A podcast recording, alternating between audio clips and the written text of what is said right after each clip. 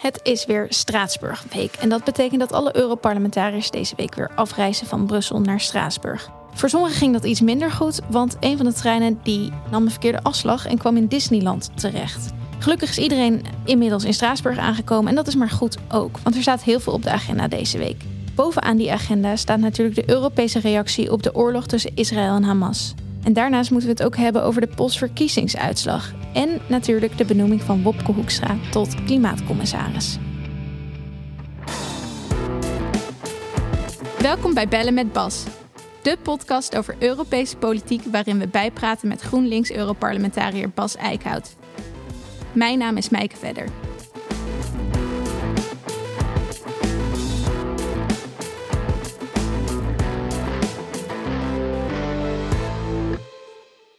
Welkom Bas. Dag, jij, uh, jij zit weer in Straatsburg. Het was gisteren inderdaad op Twitter even de grap van de dag dat de, de trein naar Straatsburg de afslag naar Disneyland had genomen. Maar jij bent Jij bent ook gewoon goed aangekomen. Ja, ik, zat, ik, ging, ik ging via Duitsland dit keer. Normaal als ik uit ah. Brussel kom, dan ga ik ook met die speciale trein naar Straatsburg. Dus misschien was ik daar dan ook gekomen. Maar nu kwam ik gewoon uit Utrecht. Dus uh, had ik, uh, liep het voor mij via Duitsland. Kom je wel vlak bij Europa Park, bij Freiburg. Dus ik had daar nog gestrand kunnen raken, maar niet bij Disney. Gelukkig. Ja, het is ook wel weer opvallend hoeveel aandacht er opeens was voor, uh, voor de Europese politiek. Maar dat het helaas alleen ging om Disneyland. Er waren mensen verbaasd dat we met een eigen trein gaan. Nou, kijk, eh, er worden gewoon. Er zijn zoveel mensen die moeten verhalen. Die dus zo'n week op en neer gaan. Dat ze een speciale trein rechtstreeks laten gaan van Brussel naar, uh, naar Straatsburg. Met één stop bij Charles de Gaulle. Nou ja, dat werd dus Disneypark bij één trein. Uh, ja, dat is, dat is, ik zou zeggen, uh, wees blij dat mensen zoveel met de trein gaan. Uh, en het zijn er zoveel dat je daar gewoon een trein mee kan vullen. Dus nou ja, laat die dan gewoon extra rijden.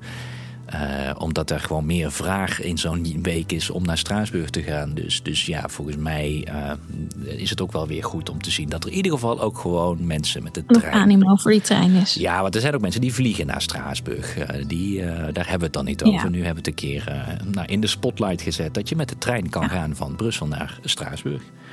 Nog wel even voor de duidelijkheid, wij zijn er op, op zich helemaal niet voor hè, dat het Europese parlement op twee plekken vergadert. Want daar nee, dat krijgen blijft, we waarschijnlijk ook weer vragen over. Ja, nee, nee, dat is altijd heel duidelijk. Uh, wij vinden het totale onzin. Alleen uh, wij zijn verplicht, uh, Frankrijk verplicht ons. We hebben ook een keer als parlement ge geprobeerd eronder uit te komen. Toen zijn we ook direct ja. voor de rechter uitgedaagd als parlement. En we hebben die rechtszaak verloren, omdat het gewoon in het verdrag staat. En we moeten het gewoon uit het verdrag krijgen. Maar daar zijn eigenlijk de regeringsleiders aan zet en niet wij als Europees parlement helaas. Nee, daar kunnen we nog wel een keer een, uh, een, hele aflevering over opnemen. Vooralsnog zit jij nu in Straatsburg. Volgens mij is het belangrijkste debat deze week um, ja, dat over de Europese reactie op de aanval van Hamas op Israël. Ja. Um, wat, wat waren de eerste reacties vorige week in Brussel? Nee, ja, die waren eigenlijk wel vergelijkbaar als in, uh, als in Nederland natuurlijk. Uh, de eerste reactie op zaterdag uh, was gewoon heel duidelijk. Een, een totale veroordeling van de terroristische aanval van Hamas op Israël. En ook overal de, natuurlijk de, de, de duidelijk maken dat, dat nou, Israël het recht heeft zich te verdedigen. Dat waren de eerste reacties gewoon ook in het weekend. en dus ook geen ja maar, gewoon punt. Maar die maar kwam natuurlijk wel in, in de loop van de week, waarin, uh, waarin natuurlijk ook wel duidelijk werd van oké, okay, daar moet wat gebeuren. En Israël heeft ook het recht zich te verdedigen. Alleen door bijvoorbeeld uh, water, elektriciteit uh, af te schakelen. voor zo'n heel gebied, daar kwamen al wel de eerste zorgen naar boven. en vervolgens ook nou ja, het verzoek van Israël om in 24 uur eigenlijk van Noord-Hamas naar Zuid-Hamas. En dan heb je het hm. over 1,1 miljoen mensen die in 24 uur. De Gaza. Sorry, uh, van Noord naar Zuid. Ja. Uh, ja uh, die van Noord naar Zuid moesten gaan weggaan. Zonder dat het helemaal duidelijk was. Hebben ja. ze dan ook recht om weer terug te keren? En wat het werd gedaan als, want we gaan binnenvallen om Hamas uit te schakelen. Uh, Oké, maar dat betekent dus in principe dat je weer terug kan. Maar misschien, maar ja, wat is er dan nog van over? Dat was allemaal zo totaal onduidelijk. En dan krijg je natuurlijk die discussie die we ook in Nederland hadden. De proportionaliteit van die reactie moet ook gewoon volgens het internationale oorlogsrecht zijn. En kwam er dus wel steeds meer kritiek ook wel op, uh, op zeg maar, wat, wat, wat Israël aan het doen is en aan het plannen is. Nou ja, die reacties, uh, nou ja, afhankelijk van je nationaliteit, dan heb je natuurlijk verschillende nationale contexten die een rol spelen. Uh, werd dat eerder of later in de week uh, werd dat geuit. Maar ja. eigenlijk was wel algemeen het chagrijn dat toen vrijdag aan het eind van die week uh, ging Ursula von der Leyen naar Israël toe. En eigenlijk de hele week lang al was Ursula von der Leyen wel heel erg van de uh, totale veroordeling uh, van Hamas. Oké. Okay. Uh, we staan met Israël. Oké. Okay. Maar bijna ook zeg maar oproepen aan Israël. En jullie mogen je verdedigen en wij zullen je ongeconditioneerd steunen. Ja, daar werd natuurlijk de discussie: oh, wacht even, hoezo ongeconditioneerd? Want de reactie moet ook gewoon proportioneel zijn. En eigenlijk die, die, die ongeconditioneerde steun aan wat Israël ook gaat doen door Ursula van der Leyen, dat ging wel steeds meer wringen. En toen ze vrijdag naar Israël ging en ging spreken met Netanyahu, en ik denk dat wij allemaal wel weten dat Netanyahu ook niet zomaar een uh, premier is van Israël, maar nogal een hele eenzijdige. Ja, toen, toen kreeg ze wel heel veel kritiek. Dat zelfs toen ze nog steeds zei: uh, en we staan achter Ook jullie. vanwege de timing, denk ik. Want vrijdag was juist het punt dat, dat steeds duidelijker werd dat uh, ja, Israël mogelijk een invasie uh, van de Gazastrook aan het plannen was. Ja, en dat ze toen al hadden opgeroepen aan 1,1 miljoen mensen om, uh, om ja, te, te, ev te, evacueren. Terwijl op ja. dat moment het nog steeds een oorlogsgebied was. Want er vielen bommen over en weer. Dat is ook niet de prettigste manier om te evacueren.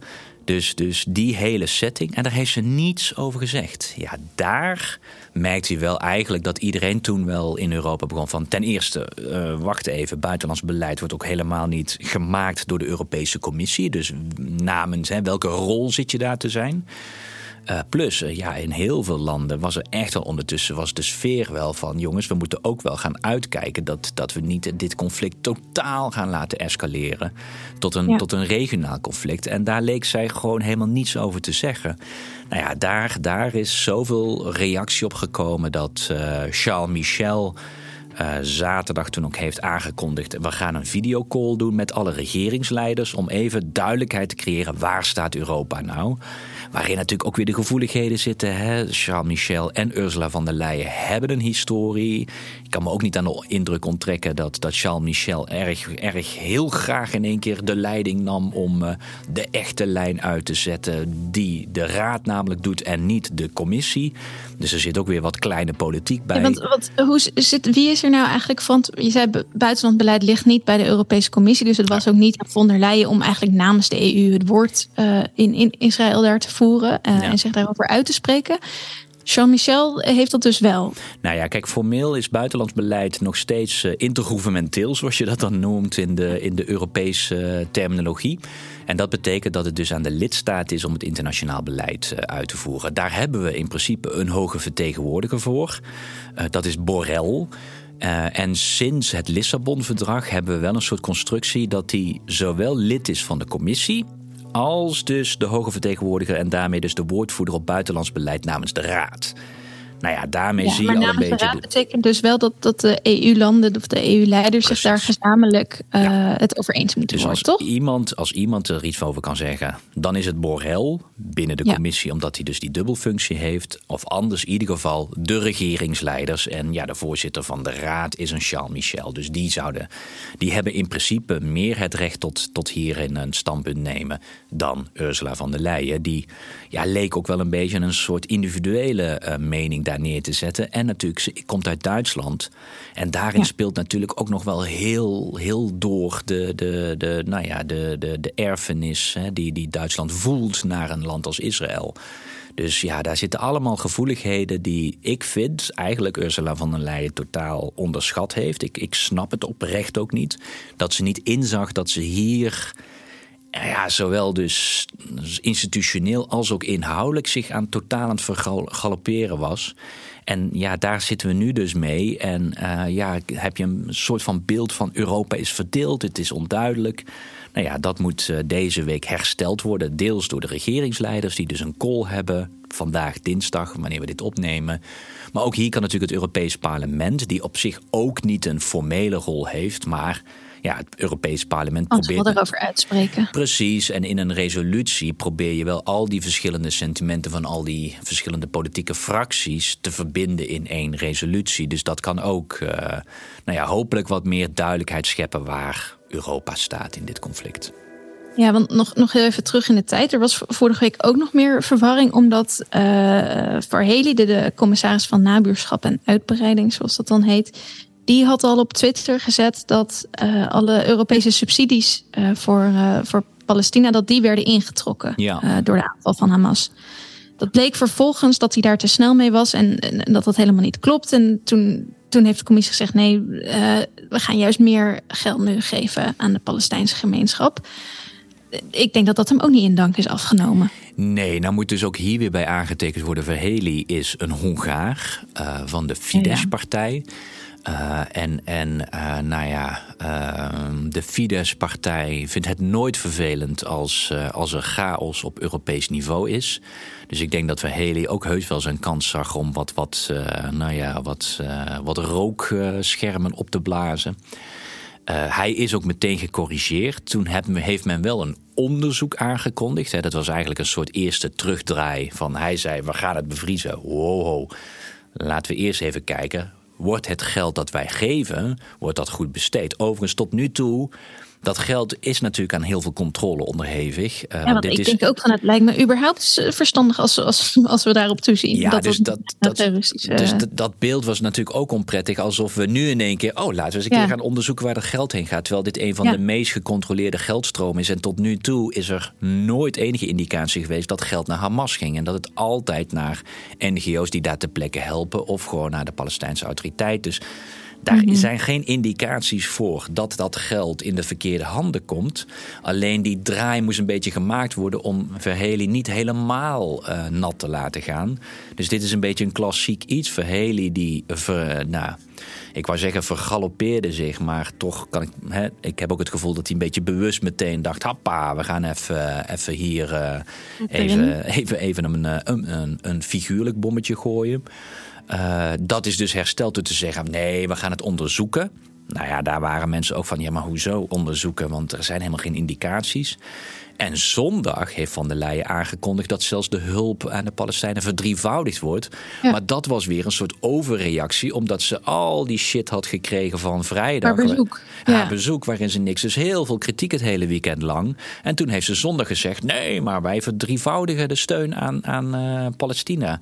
Dat je ook denkt: jongens, wat is dit voor een ongelooflijk gezwalk aan alle kanten? Nee, Klinkt heel rommelig, inderdaad. Terwijl je juist zou zeggen: van volgens mij is dit het moment dat, dat er een eensgezind uh, ja, dit was gewoon naar buiten toe in ieder geval moet komen. Dit was een dramatische week. Gewoon door de terroristische aanslag van Hamas en alles wat daarna kwam. Maar het was ook een dramatische week voor de politiek van de Europese Unie. En helaas Van der Leyen heeft daaraan bijgedragen. Verhely heeft daaraan bijgedragen.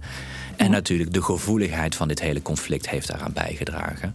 En ja, we moeten nu weer proberen dat, dat, ja, wat helderheid te krijgen. Maar het ja, allerbelangrijkste... En, waar hoop je dan, dan eigenlijk op eh, wat, wat er dan deze week gaat gebeuren in bijvoorbeeld nou ja, het parlement en in die, uh, die videovergadering van vanmiddag? Nou, dat zowel de regeringsleiders als het Europees parlement met verklaringen komen die enigszins gestroomlijnd zijn. Dus dat zou fijn zijn als daar een beetje dezelfde noties uit voortkomen.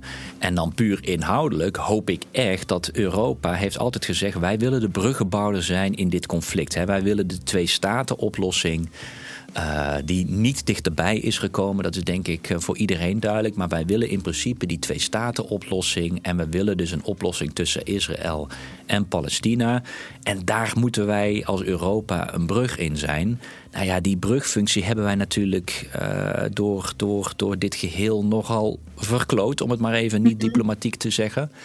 En uh, ik hoop dat we, dat we weer een beetje kunnen laten zien dat wij als, als Europese gemeenschap, als Europese Unie, wel weer de rol van die bruggenbouwer kunnen zijn. Waarin we zowel zowel kritisch zijn en ook veroordelen Hamas als terroristische organisatie, maar dat we tegelijkertijd ook de Israëlische regering oproepen om in hun reactie, waar ze recht op hebben, maar wel daar proportioneel op te reageren en altijd met een uitzicht op, uh, op, uh, op, op, een, op een langdurige oplossing.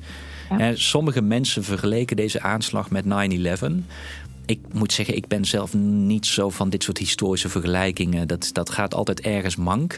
Maar als je dan die vergelijking wilt trekken met 9-11, één ding wat we daarvan kunnen leren is dat de reactie van de Verenigde Staten, waar iedereen solidair mee was op dat moment ook, hè, we staan met Amerika, maar de reactie met inval in Irak uiteindelijk, eerst en, en hè, Afghanistan, Irak. Ja, dat heeft het, dat heeft het niet beter gemaakt. Dus, dus soms voelt het van, nou, nu moeten we optreden en keihard optreden. Maar dat brengt niet per se langdurige vrede. En dat is helaas toch ook echt onderdeel, moet dat zijn, van de discussie nu.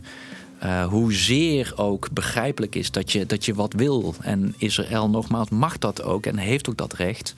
Maar laten we het wel proberen in zo'n vorm te doen dat, we, dat, we, dat er nog steeds uitzicht is op vrede. En dat in ieder geval de burgers hier niet onder te lijden hebben. Nou ja, dat, dat, dat, dat, dat, dat, die middenweg. Ja, ik hoop dat, dat Europa weer woorden kan vinden deze week die die, die richting uitwijzen. Ja, en als je nu kijkt naar de situatie in het, uh, parlement, ben je er optimistisch over? Of gaat dat echt nog een hele lastige discussie worden? Ja, ook hier gaan de emoties natuurlijk alle kanten op. Ja. Uh, ik denk dat, dat wat ergens, ja, cynisch gezegd, helpt, is dat in elke fractie er verdeelde reacties zijn. Dus hier zit niet een hele duidelijke. Deze fractie staat daar en een andere fractie staat daar. Dus, dus de, de verdeeldheid zit hem in alle politieke families van, uh, van het Europees Parlement. En proberen dus daarin een middenweg te vinden, is eigenlijk ook een soort verplichting van elke politieke partij die serieus wil zijn in deze onderhandelingen. En in die zin hoop ik dat we, dat we wel tot die woorden kunnen komen. Ja. Ik hoop het ook. Um, we gaan er uitgebreid, uh, denk ik, weer uh, bij stilstaan in de volgende afleveringen. Ja, maar denk het ook.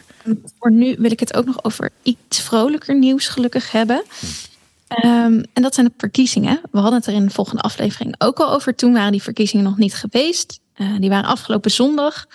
De officiële uitslag is inmiddels bekend. De Poolse verkiezingen um, bedoel je? Volgens mij heb je Poolse nog niet gezegd, maar dat is oh. we dat is inderdaad een heel belangrijk detail. De Poolse verkiezingen heb ik het over. Die waren afgelopen zondag. Dat uh, nou ja, zou ontzettend spannend worden tussen de anti-Europese, ja, eigenlijk rechtsconservatieve PIS-regeringspartij en de Verenigde Oppositie onder leiding van Donald Tusk. Ja. Um, nou ja, afgelopen zondag gingen ze dus naar de stembus. Um, het was nog even spannend of die uitslag nog zou veranderen na die eerste exit polls. Um, maar het lijkt eigenlijk uh, heel erg, uh, heel erg nou ja, op, op die eerste exit polls te lijken. Die officiële uitslag die er nu is. En dat, uh, even kijken, ik pak hem er even bij. Zodat ik de juiste cijfers zeg. Dat betekent namelijk dat de PIS, de regeringspartij, die heeft 35% van de stemmen gekregen de oppositie, dus het, de, de Verenigde uh, Burgerplatform onder leiding van Donald Tusk, die heeft 31 procent.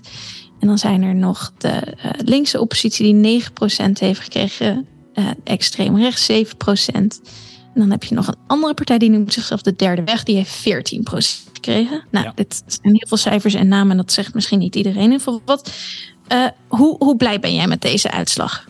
Ja, wel heel blij. Ik denk toen we het er vorige keer over hadden, zei ik ook al van eigenlijk deze Poolse verkiezingen zijn een van de belangrijkste verkiezingen die er uh, na, op weg naar uh, de Europese verkiezingen in 2024 uh, gehouden worden.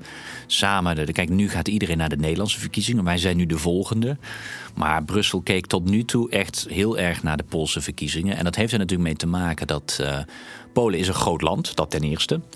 Uh, het is gewoon het, het, het grootste land uh, van, de, van de nieuwe toetreders. Het klinkt een beetje raar, mm -hmm. want de nieuwe toetreders was 2004, dus misschien moeten we dat niet meer zo zeggen.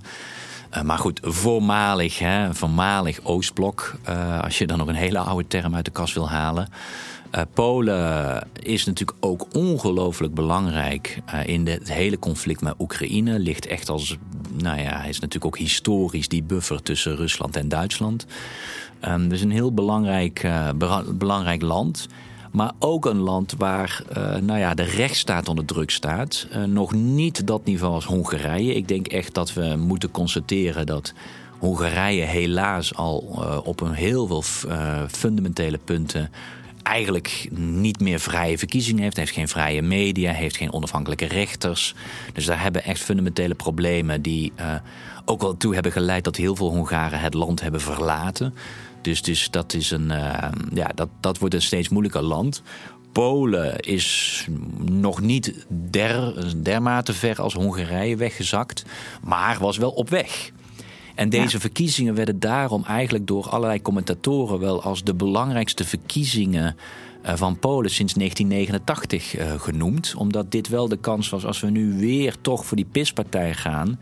Ja, die zullen dat zien als een steun voor de route die ze hebben ja, ingezet. Dus aan die afbraak van de, de democratie en rechtsstaat alleen nog maar. Precies. En dus ook de, de afstand tussen de EU en, en Polen. Ja, ja, en, en nu hebben we dus eigenlijk toch een, een, eh, met een hele hoge opkomst. Hè, bijna kwart van de mensen hebben gestemd. Ook veel jongeren, dat is ook denk ik heel ja, belangrijk. 73 procent, zegt ja. Uh, ja. Ja, want je hebt ook soms, hè, hebben natuurlijk gezien met brexit en dergelijke... zag je eigenlijk dat de jongeren niet kwamen opdagen. En uh, omdat die dachten, ze hebben geen zin in. Nou, daar hebben ze denk ik spijt van. In Polen zie je ook echt wel een goede opkomst bij de jongeren. En daar, bijvoorbeeld onder de jongeren heeft de PIS-partij maar 15% gehaald. Dus dat laat ook zien dat ze vooral steun moeten hebben van de oudere generatie. Uh, ook wel in het land wat meer Oostpolen dan Westpolen. Uh, zeker niet in, meer in het rurale gebied en niet in de, in de steden. Nou ja, eigenlijk redelijke klassieke verdelingen die we wel vaker zien in landen. Maar in Polen, nou, het is toch een wat meer ruraal land met best wel een vergrijsde bevolking. Doet de PIS-partij het dus gewoon goed. En laten we het wel wezen, ze zijn dus nog steeds grootste. Alleen hebben. Ja, want dat is inderdaad. Er werd heel blij gereageerd op deze verkiezingsuitslag. Omdat die boven verwachting uh, goed ook is. Maar de, de regeringspartij, de PiS-partij, is nog steeds de grootste. Maar toch betekent dat dus niet dat zij uh, ook per se een regering gaan vormen. Ja, het is nu even spannend wat er nu gaat gebeuren. Allereerst moet nog de, de, de verkiezingen moeten nog officieel erkend raken door nou ja, zeg maar de Poolse kiesraad en dan ook het Hoge Rechtshof. Dat, dat, dat had dinsdagmiddag, uh, wij zijn nu, het is nu dinsdag twee uur om uh, even duidelijk te zijn. Dat had om twaalf uur moeten gebeuren. Dat is nog niet gebeurd. Ja, want ik zei inderdaad officiële uitslag, maar dat was inderdaad de uitslag met 100% van de stemmen geteld. Maar die Precies. is dus nog niet officieel erkend. Nee, dan moet, nog, uh, dan moet nog een soort kiesraad moet daar natuurlijk zijn zegen over geven. Zoals dat overigens ook in Nederland gebeurt. Hè. Daar is de mm -hmm. uitslag ook pas officieel, nou, meestal komt dat een paar dagen later of de week erna met, met alle voorkeurstemmen en alles. Maar in principe in Polen om 12 uur dinsdag had dan de, de, de Poolse kiesraad een soort stempel moeten geven. Wij erkennen hiermee uh, dat het uh, goed is gegaan. En dan moet het nog door het Hoge Rechtshof worden geaccordeerd. En dan heb je een officiële uitslag. Nou, eigenlijk gaat niemand meer deze, deze uitslag ter discussie stellen. Maar je hebt nog wel dat officiële zegel nodig. Dat is nu nog niet gegeven. Dus dat levert wel weer wat onrust. Want gaat de PIS-partij nog trucs uit zijn. Uit zijn hoge hoed halen om proberen nog wat uh, te voorkomen. Ja, want dat was in de aanloop naar de verkiezingen probeerden zij al wel ook wetten in te stellen die ook weer de uitslag. Ja, bijvoorbeeld de buitenlandse stemmen moesten binnen 24 uur geteld worden. Anders zouden ze ongeldig worden verklaard. Er waren echt een aantal nogal. En ze weten dat veel Polen, buiten Polen, natuurlijk helemaal niet op de hand Juist van de PIS. Ja, precies. Ja. Uh, dus de, de diaspora, de Poolse diaspora, is, is niet echt op de handen van PIS over het algemeen. Nou ja, dus, dus, dus ja, je moet het een beetje vergelijken. Is dat Trump ook nog tot 6 januari probeerde allerlei trucs uit te halen om, om Biden niet officieel als ja, president te krijgen. Dat zou hier nu ook nog kunnen gebeuren. Ja, maar ze hebben minder mogelijkheden waarschijnlijk. Uh, de winst van de oppositie is ook te groot. Dat was natuurlijk veel moeilijker geworden als het, uh, als het dicht bij elkaar zou hebben gezeten. Maar als je, als je die drie partijen bij elkaar optelt, dan heb je het over, uh, ik ben even heel snel, dan heb je het over vier, bijna 54 procent. Ja, uh, ja dat, dat, dat verschil is gewoon. Uh, en dan heb je een hele hoop partijen die de kiesdrempel niet hebben gehaald. En nou ja, de PIS-partij zit dus op uh, 35 procent. Uh, ja, daar, dat, dat, verschil, dan kun je nog extreem rechts erbij proberen te halen. Maar dan kom je pas op 42. Ja, 42 versus 54 procent. Dat verschil is te groot. Dus de PIS-partij gaat nog heus wat proberen. Maar uiteindelijk zullen ze deze verkiezingsuitslag niet kunnen uh, negeren. Dan is wel nog Duda aan zet. Duda is de president. Mhm. Eh, hè, dus dat is zoals in heel veel landen. Het is de president die vervolgens nog wel een partij de mogelijkheid moet geven om een coalitie te vormen. De verwachting is dat Duda, zelf PIS, dat hij natuurlijk de grootste partij PIS het uh, allereerst de optie geeft om te gaan onderhandelen. Het initiatief. Uh, het initiatief. Ja, ja, niemand ziet dat slagen. Maar goed, PIS gaat natuurlijk proberen nog een paar van die kleinere partijen los te weken. Dat gaat waarschijnlijk niet lukken. En ja, dan, dan zal waarschijnlijk Duda er ook niet aan ontkomen om Tusk de mogelijkheid te geven. En die is nu natuurlijk al bezig met die andere twee partijen. En die drie partijen samen, wat ik zei, 54% van de stemmen. Die hebben een meerderheid, zelfs in zetels dus nog wat duidelijker. Ja, die gaan waarschijnlijk dan een regering vormen. Maar voordat dat gelukt is, zitten we in december, januari. Hè? Dus dat, daar gaat nog wel een dus tijdje over. Dus dat gaat nog even duren. Ja. Maar toch, op zich, dat zou een, fantastische uh, resultaat zijn. Ja. Wat denk je dat dat betekent voor, voor de relatie tussen Polen uh, en de EU? Kan die schade die eigenlijk de afgelopen jaren is aangericht uh, makkelijk hersteld worden? Wat, wat moet er gebeuren? Nou ja, kijk, dat, dat, dat, dat, dat, zal Tusk wel meteen moeten doen. En dat zijn natuurlijk met name de, op de rechtspraak ligt er nog wat wetgeving. Zo'n zo aparte. Aparte, aparte kamers die PIS heeft ingericht en alles. Eigenlijk moet die hele rechtspraak moet natuurlijk uh, weer onafhankelijk gemaakt worden. Dat kun je redelijk snel met wetgeving wel uh, voor elkaar krijgen. Wat meer tijd gaat kosten is eigenlijk de hele media. De, de Poolse publieke omroep is echt, ja, ik weet niet, je moet, als je weer wat had gezien van deze verkiezingen. Eigenlijk. Is gewoon een propagandakanaal. Een van de mooiste plaatjes die je zag was toen de eerste exit poll kwam, was het dus 37% versus 31%. En toen hadden ze de 37% als een hele grote pilaar waar dan de presentator naast stond. En dan tot zijn, tot zijn enkel stond dan de 31 procent. Dus als je even niet oplet als kijker, denk je, nou, PIS-partij heeft En dan leek dat er toch op inderdaad dat zij enorm hadden gewonnen. Precies, nou ja, dat, dat, dat hele... Dat, dat, dat nog zo probeerde te framen. Ja, dus dat hele apparaat van zo'n media, uh, ja, dat zal, daar gaat echt tijd overheen om dat weer uh, om te buigen. Maar ik denk vanuit ja. Europees perspectief, wat heel belangrijk is, is we hebben nog miljarden euro's op de bank staan. Hè? Bijvoorbeeld dat coronasteunfonds. Dat is bevroren omdat uh, op een aantal eisen van de rechtsstaat, met name de onafhankelijkheid van de rechtspraak, uh, heeft uh, Europa gezegd: wij bevriezen die coronasteunfondsen. Dat zijn miljarden euro's. En ja, natuurlijk, wat er gaat gebeuren is dat daar dus zo snel mogelijk wil laten zien dat hij de wetten aanpast, zodat Europa dan dat geld weer kan laten stromen. En dat is natuurlijk iets wat Tusk kan laten zien. Zie je, ik breng Polen weer dichter bij Europa. En daar krijgen we ook weer de miljardensteun van Europa. Dus dat, dat is natuurlijk iets wat, uh, ja, wat, wat Tusk gaat gebruiken in zijn, uh, zijn discussie naar, uh, naar Polen toe. Want vergis je niet alle, elke Pool die alleen maar TP1, dus de, de, de Poolse publieke omroep, heeft gevolgd, die denkt nog steeds dat Tusk een Duitse geheime agent is. Want zo is die door de publieke omroep wekenlang geframed. Stem niet op Tusk, want je stemt op een Duitser. Dat is in Polen het ergste wat je kan doen ongeveer. Mhm. Dus, dus uh, Tusk moet natuurlijk laten zien dat hij gewoon een Pool is die het goed heeft met de Polen. Ja, nou ja, die dan, vertrouwen is en ook echt wat uh, verandering gaat brengen. Ja, en dat is natuurlijk toch ook weer de relatie met de EU te herstellen. Dan gaat dat geld lopen, dan kunnen er weer dingen gebeuren. Dat is denk ik het allerbelangrijkste. En dan krijg je ook de tijd om om zeg maar, uh, nou ja, de mediavrijheid weer terug te brengen. Uh, maar ook ja, de, de, de, verdeeldheid van het land proberen aan te pakken. Want het land is tot op het bot verdeeld. Omdat mhm. je dus de stedelijke elite, en die vond wel andere mediakanalen om nog een, tot, tot nieuws te komen. Maar in heel veel rurale gebieden hebben ze alleen maar de kranten van PIS gelezen en de tv-stations van PIS. Ja, die hebben het gevoel dat dit het einde van Polen is. Ja, hoe ga je dat weer bij elkaar brengen, zo tot op het bot? Ja, dat is ook niet van de ene op de andere dag uh, hersteld. Nee, dit gaat echt nog wel een hele lange periode kosten. Maar laten we hopen dat dat gebruikt wordt. Want een land als Polen, nogmaals, toch een groot land, het vijfde land van de Europese Unie. Ja, dat moet gewoon in de boezem van de Europese politiek zitten. Zeker ook met alle problemen die we met Oekraïne en Rusland hebben. Dus, dus ja, voor Europa is dit wel ongelooflijk goed nieuws dat, dat we wel weer een Polen hebben die waarschijnlijk echt onderdeel worden van die Europese Unie. Om echt weer in gezamenlijkheid de problemen te trotseren die er genoeg zijn nog steeds. Ja, want uh, nog een laatste vraag hierover. Wat, wat betekent dit voor klimaatbeleid? Want daar lag Polen ook best vaak dwars. Terwijl zij juist ook nog uh, veel kolenmijnen bijvoorbeeld hebben. Is, ja. is het, ligt daar nu ook een kans?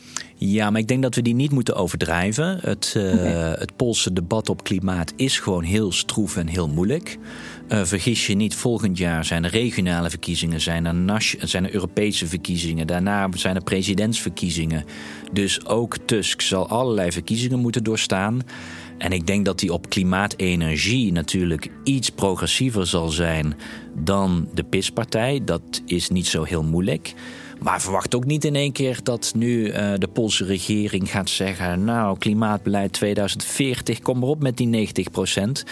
Uh, nee, Polen zal niet opeens koploper uh, nee, gaan worden. Nee, de, de, de, de investeringen in de kolenindustrie zijn nog steeds heel groot. Met name de culturele uh, nou ja, hechting aan kolen is nog steeds heel groot in het land. En wat ik net zei, als jij wil proberen het land te overbruggen en, en juist die polarisatie te niet probeert te doen, ja, dan helpt het niet als je die rurale gebieden keihard op hun kolenafhankelijkheid gaat aanvallen. Dus dat zal allemaal gefaseerd worden. Dus ik denk dat we meer kunnen verwachten weer over deals op klimaat met Polen. Maar verwacht niet dat Tusk in één keer koploper gaat worden op klimaatbeleid. Daar, zijn, ja, daar is de Poolse samenleving gewoon te verdeeld op uh, en toch nog in grote mate conservatief. Ja. Oké, okay, duidelijk. Dan heb ik nog één laatste onderwerp waar we het eigenlijk ook al uitgebreid over hebben gehad. Uh, dat zal niemand ook uh, de afgelopen week ontgaan zijn in de media. Uh, de hoorzitting met Wopke Hoekstra in het Europese parlement ja. en zijn benoeming daarop tot klimaatcommissaris. Want hij verscheen twee weken geleden in Straatsburg voor de Milieucommissie. Ja zich daar te bewijzen als klimaatcommissaris. Dus inmiddels is hij, is hij ook daadwerkelijk benoemd. Uh, nadat hij die hoorzitting en de, het beantwoorden van verduidelijkende vragen uh, wist te doorstaan. Dat ging niet helemaal zonder slag of stoot. Dus het leek me goed om toch eigenlijk ja, daar nog een kleine reconstructie van te doen van wat er nou precies is gebeurd. Ja. Ook omdat we het zo hebben voorbeschouwd en volgens mij nu duidelijk kunnen zeggen nou ja, wat er waar is geworden van, van nou ja, wat jij daarvan had gehoopt. Ja. Um, misschien te beginnen met, met die hoorzitting. Mm -hmm. dat, dat, was op maandagavond volgens mij in Straatsburg. Ja. Ja. Twee weken geleden. Hoe, hoe zat Hoekstra erbij? Was, was hij zenuwachtig? Ja, hij was erg zenuwachtig, vond ik. Ja, maar het ook wel logisch is. Hè. Het is ook een, uh, een hel van een setting. je zit echt achter een tafeltje en nou ja, daar zit een soort hele zaal naar jou te kijken. En je, moet het, je moet het maar even klaren. Ja, ik vind de sollicitatie met een paar mensen voor me al spannend. Maar dit is eigenlijk... Het is een sollicitatiecommissie van 80 mensen. En daaromheen het nog een publiek dat toekijkt. Dus het is ook niet een heel erg privé Ja. En dat drie uur lang. dat werd overigens nog eens door technische problemen verlengd. Dus ja. we moesten zelfs nog halverwege naar een andere zaal. Dus, dus nou ja, dat, dat werd er allemaal niet beter op. Uh, dus ja, hij, hij was wel zenuwachtig. Uh, maar dat, dat is denk ik uh, iemand die dan niet zenuwachtig is. Daar zou ik me meer zorgen om maken. Ja. Ehm, ja, hij deed het oké. Okay, ja, kijk, wat ik, wat ik gewoon echt. Wat het, waar bij mij het meeste knaagde. Kijk, ik wist toen al. En dat is denk ik even belangrijk. Maar goed, er zijn wat reconstructies verschenen in de media. Mm -hmm. Ik heb op een gegeven moment uh, aangezien van oké, okay, hij, uh, het, het heeft waarschijnlijk zin om te gaan onderhandelen. Dat was natuurlijk een keus die ik op een gegeven moment heb moeten maken. Want, Al voor de hoorzitting? Ja, want, want ja. kijk, als jij tot de hoorzitting gaat wachten, dan, dan ja, wat kan je precies nog voorbereiden voor zo'n hoorzitting? Dan, ja. dan, dan is het klaar, weet je. Dus, dus, Jij wilde van tevoren al in gesprek met Hoekstra. En, ja, uh, sowieso heb je altijd de gesprekken kennismaking, omdat je een beetje wil weten, nou, wie zit hier nu? Dus ik heb hem ook mm -hmm. twee keer gesproken in de, de, de periode daarvoor. Met name ja. na het tweede gesprek voelde ik wel aan van, oké, okay, hij wil echt de groene steun. Dus hij is bereid eh, ver te gaan voor ons. Dat is belangrijk. Plus ook wel het gevoel van ja, en hij gaat het waarschijnlijk toch halen. Kijk, ik als groene kon hem alleen uh, in de coördinatoren van de Milieucommissie. Dat is eigenlijk zeg maar de Milieucommissie, daar gebeurt de hoorzitting. En de coördinatoren moeten dan besluiten: mag jij naar de plenaire? Dan heb je twee derde meerderheid nodig. En was ik dus nodig. Ja, of rechts. Ja, dus uiteindelijk twee derde van die coördinatoren was nodig, bedoel je? Twee voordat derde, er uh, door ja, het hele parlement over gestemd kon precies, worden. Precies. Je moest twee derde van, het, van die milieucommissie vertegenwoordigen. En nou ja. dus dan had ik in één keer een swingvote. Als dat uiteindelijk niet was gelukt, kun je het proces verlengen tot twee hoorzittingen en hem dan nog steeds niet laten slagen. Maar dan uiteindelijk gaat hij toch naar de Milieucommissie en moet de Milieucommissie stemmen of die dan alsnog door mag. En dan heb je maar een enkelvoudige meerderheid nodig. Dus dan is mijn macht weg uiteindelijk. Dus, dus ik kan het proces vooral verlengen, pijnlijk maken, tragisch maken. Maar uiteindelijk wist je, hij gaat waarschijnlijk toch ingestemd worden. Dat is één. Ten tweede. Hij is erg gemotiveerd om niet die hele, dat hele proces door te gaan. Hij wil heel graag de groene steun al eerder in de coördinatoren. Dat is twee. Nou ja, die twee zaken samen deden mij wel besluiten van oké, als, als, als hij dan echt bereid is veel te geven, dan moet ik misschien ook eens eisen op tafel leggen. Maar dan wel met, ja, als je eisen op tafel legt, weet je ook, dat kan ook betekenen dat die eisen worden ingewilligd. En dan moet je ook ja bereid zijn te zeggen. Ik ben niet een politicus die zegt, ik leg eisen op tafel. Ik krijg ze allemaal en dan ga ik alsnog tegenstemmen. Ja, dat vind ik mhm. gewoon geen betrouwbare politiek. Dus ik heb aan mijn fractie op een gegeven moment gevraagd zijn jullie akkoord dat ik eisen ga neerleggen? Nou, dat was best wel een lastige discussie, want in de groene fractie was echt gewoon de standaardhouding: we gaan die man nooit instemmen.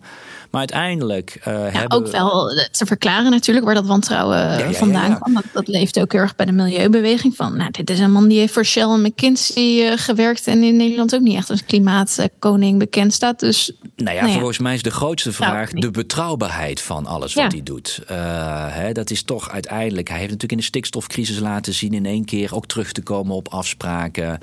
Uh, hij, ja, hij is in één keer heel groen, maar hoe betrouwbaar is dat? Dus dat zijn ook allemaal terechte vragen. En ja. Ook heel belangrijk, als ik nu voor hem heb gestemd, ben ik nu niet in één keer de woordvoerder van Wopke Hoekstra? Of ben ik nu niet in. Nee, ik ben nu niet in één keer dat ik denk, ja, Wopke Gelukkig. Hoekstra is een held. Nee, ik heb dezelfde, dezelfde twijfels en dezelfde kritische houding van oké gaat hij dit wel echt waarmaken? Maar goed, waarom ik uiteindelijk wel die draai heb gemaakt, is omdat ik een aantal eisen heb neergelegd. Dus na overleg met mijn fractie. En dat zijn vijf eisen geworden. Ja, die, die hebben we volgens mij ook in de vorige aflevering. Ja, eh, volgens mij wel, uh, ja. Besproken. En nee, de, jij noemde toen al die belangrijkste dingen. zijn eigenlijk vooral de, de klimaatop in Dubai. En, een 2040-doel. Uh, eh, wat Europa op moet gaan stellen. De voorbereiding daar in ieder geval op. En het afschaffen van de fossiele subsidies. Ja.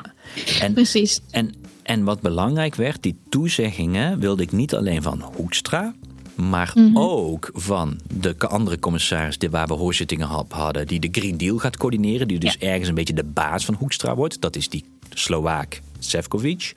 Ja. Plus Ursula van der Leyen. Handtekening wilde ik daarboven op hebben omdat zij de voorzitter van de commissie is. Dus dat Juist is ook... ook omdat je zoiets hebt van Hoekstra vertrouw ik niet op het eerste gezicht. Dus we willen echt zekerheden inbouwen om zeker te weten dat die beloftes ook echt waargemaakt Ja, je wil, niet, je wil niet op basis van een hoorzitting waarin iemand in één keer hele mooie teksten gaat uitslaan, dat je dan denkt, nou ik heb je gehoord, ik ben helemaal om en ik ga nu, uh, en ik ga nu uh, je vertrouwen. Nee, dat, dat wil Ja, want in eerste instantie zei hij dus eigenlijk al best veel van die eisen uh, uit die brief toe in die eerste hoorzitting? Hij heeft in ieder geval toen heel duidelijk de, de headlines, zeg maar. Dus die min, minstens 90% in 2040. En dat is echt, dat hoor je hm. ook van ambtenaren die zeiden: Weet je, die discussie, die 90% lag echt nog niet op tafel.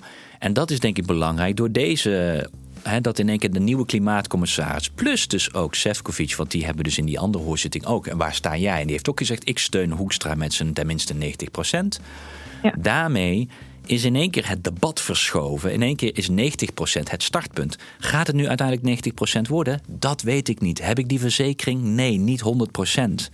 Maar wat ik wel zeker weet is dat nu 90% een startpunt van het debat is geworden. En als je nu onder de 90% zakt, hebben ze wel wat uit te leggen. Terwijl twee weken daarvoor was het debat andersom. Namelijk, nou, dan heb je heel wat uit te leggen als je in een keer met 90 komt. Dus het debat is ja, echt dus er is ook echt iets verschoven, ja. Ja, en daarmee, en dat is denk ik altijd lastig, want ongetwijfeld, als het straks niet 90 wordt, dan gaat iedereen mij aanvallen. En terecht, hè, want ik heb nu een ja gezegd op een hoekstra, dus ik, ik steek hiermee mijn nek uit. Ja. Uh, en, en daar kun je me dus ook op afrekenen. Maar tegelijkertijd uh, weet ik wel dat het debat, ook bij het ministerie die die berekeningen doet, is nu verschoven. Dus we hebben wel een hele andere startdiscussie. Ja, dat is uiteindelijk op basis waarvan ik nu keuzes moet maken. En we hopen natuurlijk dat die 90 ook echt inderdaad uh, behouden blijft. Hetzelfde geldt, hij ging voor afbouwen van fossiele subsidies.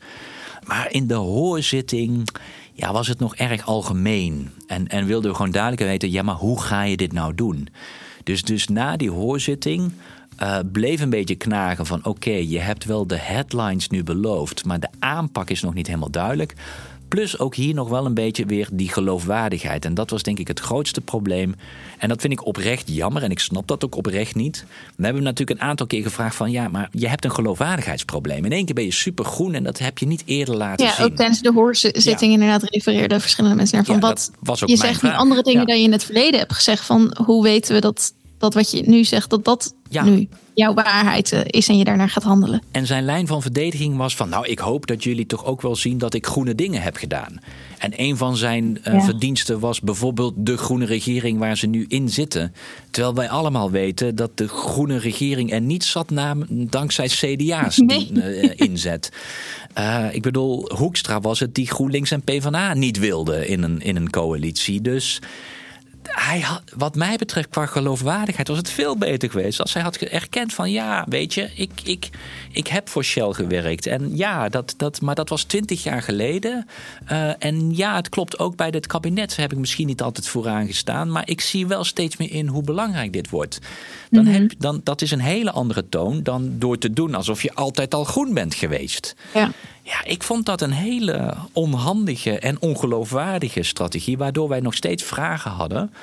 En uiteindelijk hebben we toen gezegd: we doen een nieuwe ronde met, eh, ja, gewoon met schriftelijke vragen. Omdat we niet alleen die hoofddoelen van je willen horen, maar ook een beetje een geloofwaardige aanpak. Hoe ga je dit nu doen? Hoe ga je naar die 90% toewerken? Hoe ga je die afbouw van de fossiele subsidies inzetten? Nou, daar, eh, maar ook voor Sefcovic was een hele belangrijke vraag. Hoe gaat het werkprogramma op een aantal Green Deal onderwerpen eruit zien? Nou, dat hebben we allemaal toen op schrift gekregen, zwart Ja, op dat was wit. dinsdagmiddag volgens mij. En toen op woensdagochtend, echt om zeven uur of zo, moest dat, eh, moesten die antwoorden van Sefcovic en. Hoekstra al binnen zijn. Ja, ja. En eh, toen werd volgens mij eigenlijk vrij snel duidelijk dat, dat er wel een meerderheid was binnen de Milieucommissie om voor beide eurocommissarissen om die. eh, Nou ja, hoe dat gaat is. Ja, kijk, ik had natuurlijk. Toen hebben wij een nieuwe ronde schriftelijke vragen gesteld. En dan heb je natuurlijk ook wel weer contact met, met de commissie. En toen wist ik eigenlijk van: wij kunnen echt nu. met de Europese eh, Commissie. Met de Europese Commissie. We kunnen nu echt wel een aantal zaken heel duidelijk gestructureerd op papier krijgen. Dus moest ik s'avonds in de fractie, nu hebben we het over dinsdagavond in de fractie, moest ik echt wel een flink debat met mijn fractie hebben. Jongens, die vijf eisen waar jullie me mandaat hebben gegeven om te gaan onderhandelen. Waarschijnlijk straks met de ronde van schriftelijke antwoorden krijg ik eigenlijk op alle vijf de punten substantiële toezeggingen die ook ondertekend zijn door Van der Leyen. Dus mijn advies was: ik denk dat als die antwoorden de goede kant op gaan, dat we het moeten doen. Nou, dat was echt een heftige discussie en de fractie was verdeeld. Maar uiteindelijk heb ik een meerderheid gekregen in de fractie die zei: ja, oké, wij steunen. En als die antwoorden goed zijn, mag jij ja zeggen in de coördinatoren. Ja, en want dan hebben we echt genoeg zekerheid dat we echt hier iets mee binnenhalen. Precies, en daarmee, eh, en dat heb ik woensdagochtend gedaan in die coördinatoren. En natuurlijk afgecheckt met de Sociaaldemocraten. En die gingen met mij, die gingen mee. En dus hebben wij, eh, ja, had hij zijn tweederde meerderheid. En konden we alsnog die week stemmen op Hoekstra. En dat hebben we dan ook donderdag gedaan. Eh, Dus, dus ja, nogmaals, heb ik hiermee. Heb ik, ben ik hiermee een, een, een, een, believer in Wopke Hoekstra? Nee. Het blijft een CDA die op een aantal fronten andere dingen in het verleden heeft gedaan en nu wel in één keer heel goed is. Maar tegelijkertijd, ik heb genoeg beloftes, nou ook op papier. Uh, ik weet dat voor Hoekstra het nu ook belangrijk wordt dat hij natuurlijk hier op gaat leveren. Want wat het ook is, Hoekstra is een ambitieus persoon en die wil een succes hiervan maken. En eigenlijk hebben wij zijn de af, het, het, beoordelen of het een succes wordt of niet, hebben wij voor hem groen ingekleurd. Dus hij zal nu groen moeten leveren om het tot een succes te maken. die maatstaven zal hij uh, afgerekend worden. Precies, dus, dus in die zin hebben wij de maatstaf waarop zijn succes wordt gemeten, hebben we groen ingekleurd. Ja. Dat is denk ik waarom het voor mij voldoende is geweest om te zeggen, ja dan ga ik ook ja zeggen. En het interessante was, de rechtse partij die Hoekstra ook had kunnen krijgen voor, voor die tweederde steun. Dus rechts van de Christen-Democraten, waar bijvoorbeeld ja, ja, 21 en de SGP zitten. Die waren aanvankelijk heel blij met Hoekstra, want alles beter dan Timmermans. Ja, die dat dachten fijne CDA, dat uh, gaat ja, afgeschaft klimaatbeleid worden. Maar die hebben uiteindelijk tegengestemd omdat ze het gevoel hadden van hier zit eigenlijk nu een tweede Timmermans. Dus dan heb je ook wel het gevoel van oké, je kan natuurlijk nog steeds zeggen Bas je bent naïef en, en uh, dit was niet slim. Ik denk dat wat we hebben binnengehaald substantieel is. Uh, dat we ook echt wel, echt wel verzekeringen hebben dat het deze kant op gaat. Zal hij nog dingen doen waar wij het niet mee eens zijn? Natuurlijk. Het is niet een groen politicus in één keer. Maar je hebt wel het gevoel dat hij een bepaalde kant op gaat werken. Uh, dat hij ook wel de druk voelt om hier nou op te leveren. Ook voor zijn eigen succes. Uh, en we hebben een richting waarvan we weten, daar zal, hè, als je daarvan gaat afwijken, is dat het debat. Dus je hebt het debat verschoven. Ja, daar, dat, is toch, dat zijn voldoende zaken waardoor ook de rechtse partijen afhaken. In een aantal reconstructies van NOS en Volkskrant lees je ook dat de christendemocraten super chagrijnig zijn. Nou, dat lijkt mij ook een compliment. Dat is altijd een goed teken. Dan weet je dat je toch iets goed hebt gedaan. Dus, dus in die zin, dit alles bij elkaar, uh, denk ik dat dat, dat dat voor mij voldoende reden is om ja te zeggen op uh, Wopke Hoekstra. En dat hebben we dus ook gedaan. Maar nogmaals, ja, ik bedoel, eh, de komende maanden. Niet zal, nee, ja, de komende maanden zal het moeten blijken wat, wat daarvan gaat gebeuren. En, ja, want die. Ja, wat ik zei, ik ben niet zijn woordvoerder. Nee, nee, dan uh, zal ik je daar ook niet uh, op blijven aanspreken. Nee. Maar uh, um, we blijven hem wel kritisch volgen. En volgens mij kwam zijn eerste test eigenlijk al deze week. Um, want hij is dus nu twee weken officieel eurocommissaris. gisteren, dus dat, nou ja, dat was maandag, was de eerste ministerraad met milieuministers ja. um, in Luxemburg op voorbereiding van de klimaatop in Dubai. Ja, dit was ook wel een moment voor Hoekstra om, om denk ik te laten zien of, hij, uh, of het nou echt menens is met die ambities die hij heeft uitgesproken. Hoe, hoe ging die eerste test eigenlijk? Ben, je, ben je tevreden met die uitkomsten? Nou, niet de week daarvoor. Toen, toen, toen stuurde hij weer wat warrige signalen de wereld in. En daar werd ik terecht ook op aangesproken van hallo. Want hij had gezegd ik wil het einde van fossiel. En in één keer ging hij zeggen: ja, ik wil het einde van uh, een abated fossiel. Wat dus wil zeggen, fossiel dat niet, uh, dat, waarvan niet, niet is geprobeerd de uitstoot te verminderen. Met andere woorden, uh, gas en dan CCS, hè, C2 afvangen en opslaan, dat is ja? abated fossiel. Dan heb je nog steeds fossiel, maar het wordt, uh, er wordt een poging gedaan om de uitstoot van CO2 vast te leggen.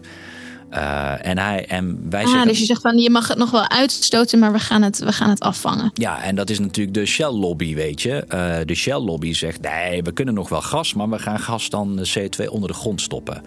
Nou, denk ik dat er heus wel echt bepaalde fronten we technieken nodig hebben om CO2 vast te gaan leggen. Maar dat is niet mhm. bij energiebedrijven. Dan moet je het hebben over echt zware industriële processen als cement of staal. Daar moet je het over hebben.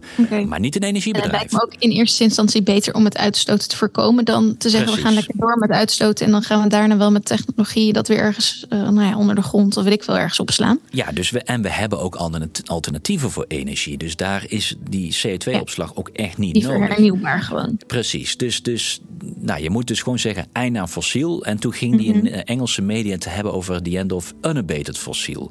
En toen zat iedereen, zie je wel, daar gaat hij. Het was te verwachten. Hij draait binnen een week weer terug. Ja, dat hij het toch wel aan het afzwakken was. Ja, nou ja, daar, daar, daar werd ik natuurlijk ook niet vrolijk van toen ik dat zag. Maar aan het begin van de Milieuraad zag je hem wel weer dat hij ook wel duidelijk wist van... oké, ik heb hier weer ben hier onduidelijk geweest. En ik denk oprecht dat hij ook nog gewoon. Dit is, dit, het, ja, het, weet je, het is niet in één keer iemand die al jarenlang op klimaat heeft gezeten. Dus, dus dit kan gebeuren. Maar dan gaat het erom hoe ga je ermee om. En hij heeft meteen bij de opening van de Milieuraad. heb je altijd die doorstep. Hè, dan komen alle ministers en ook de nieuwe klimaatcommissaris.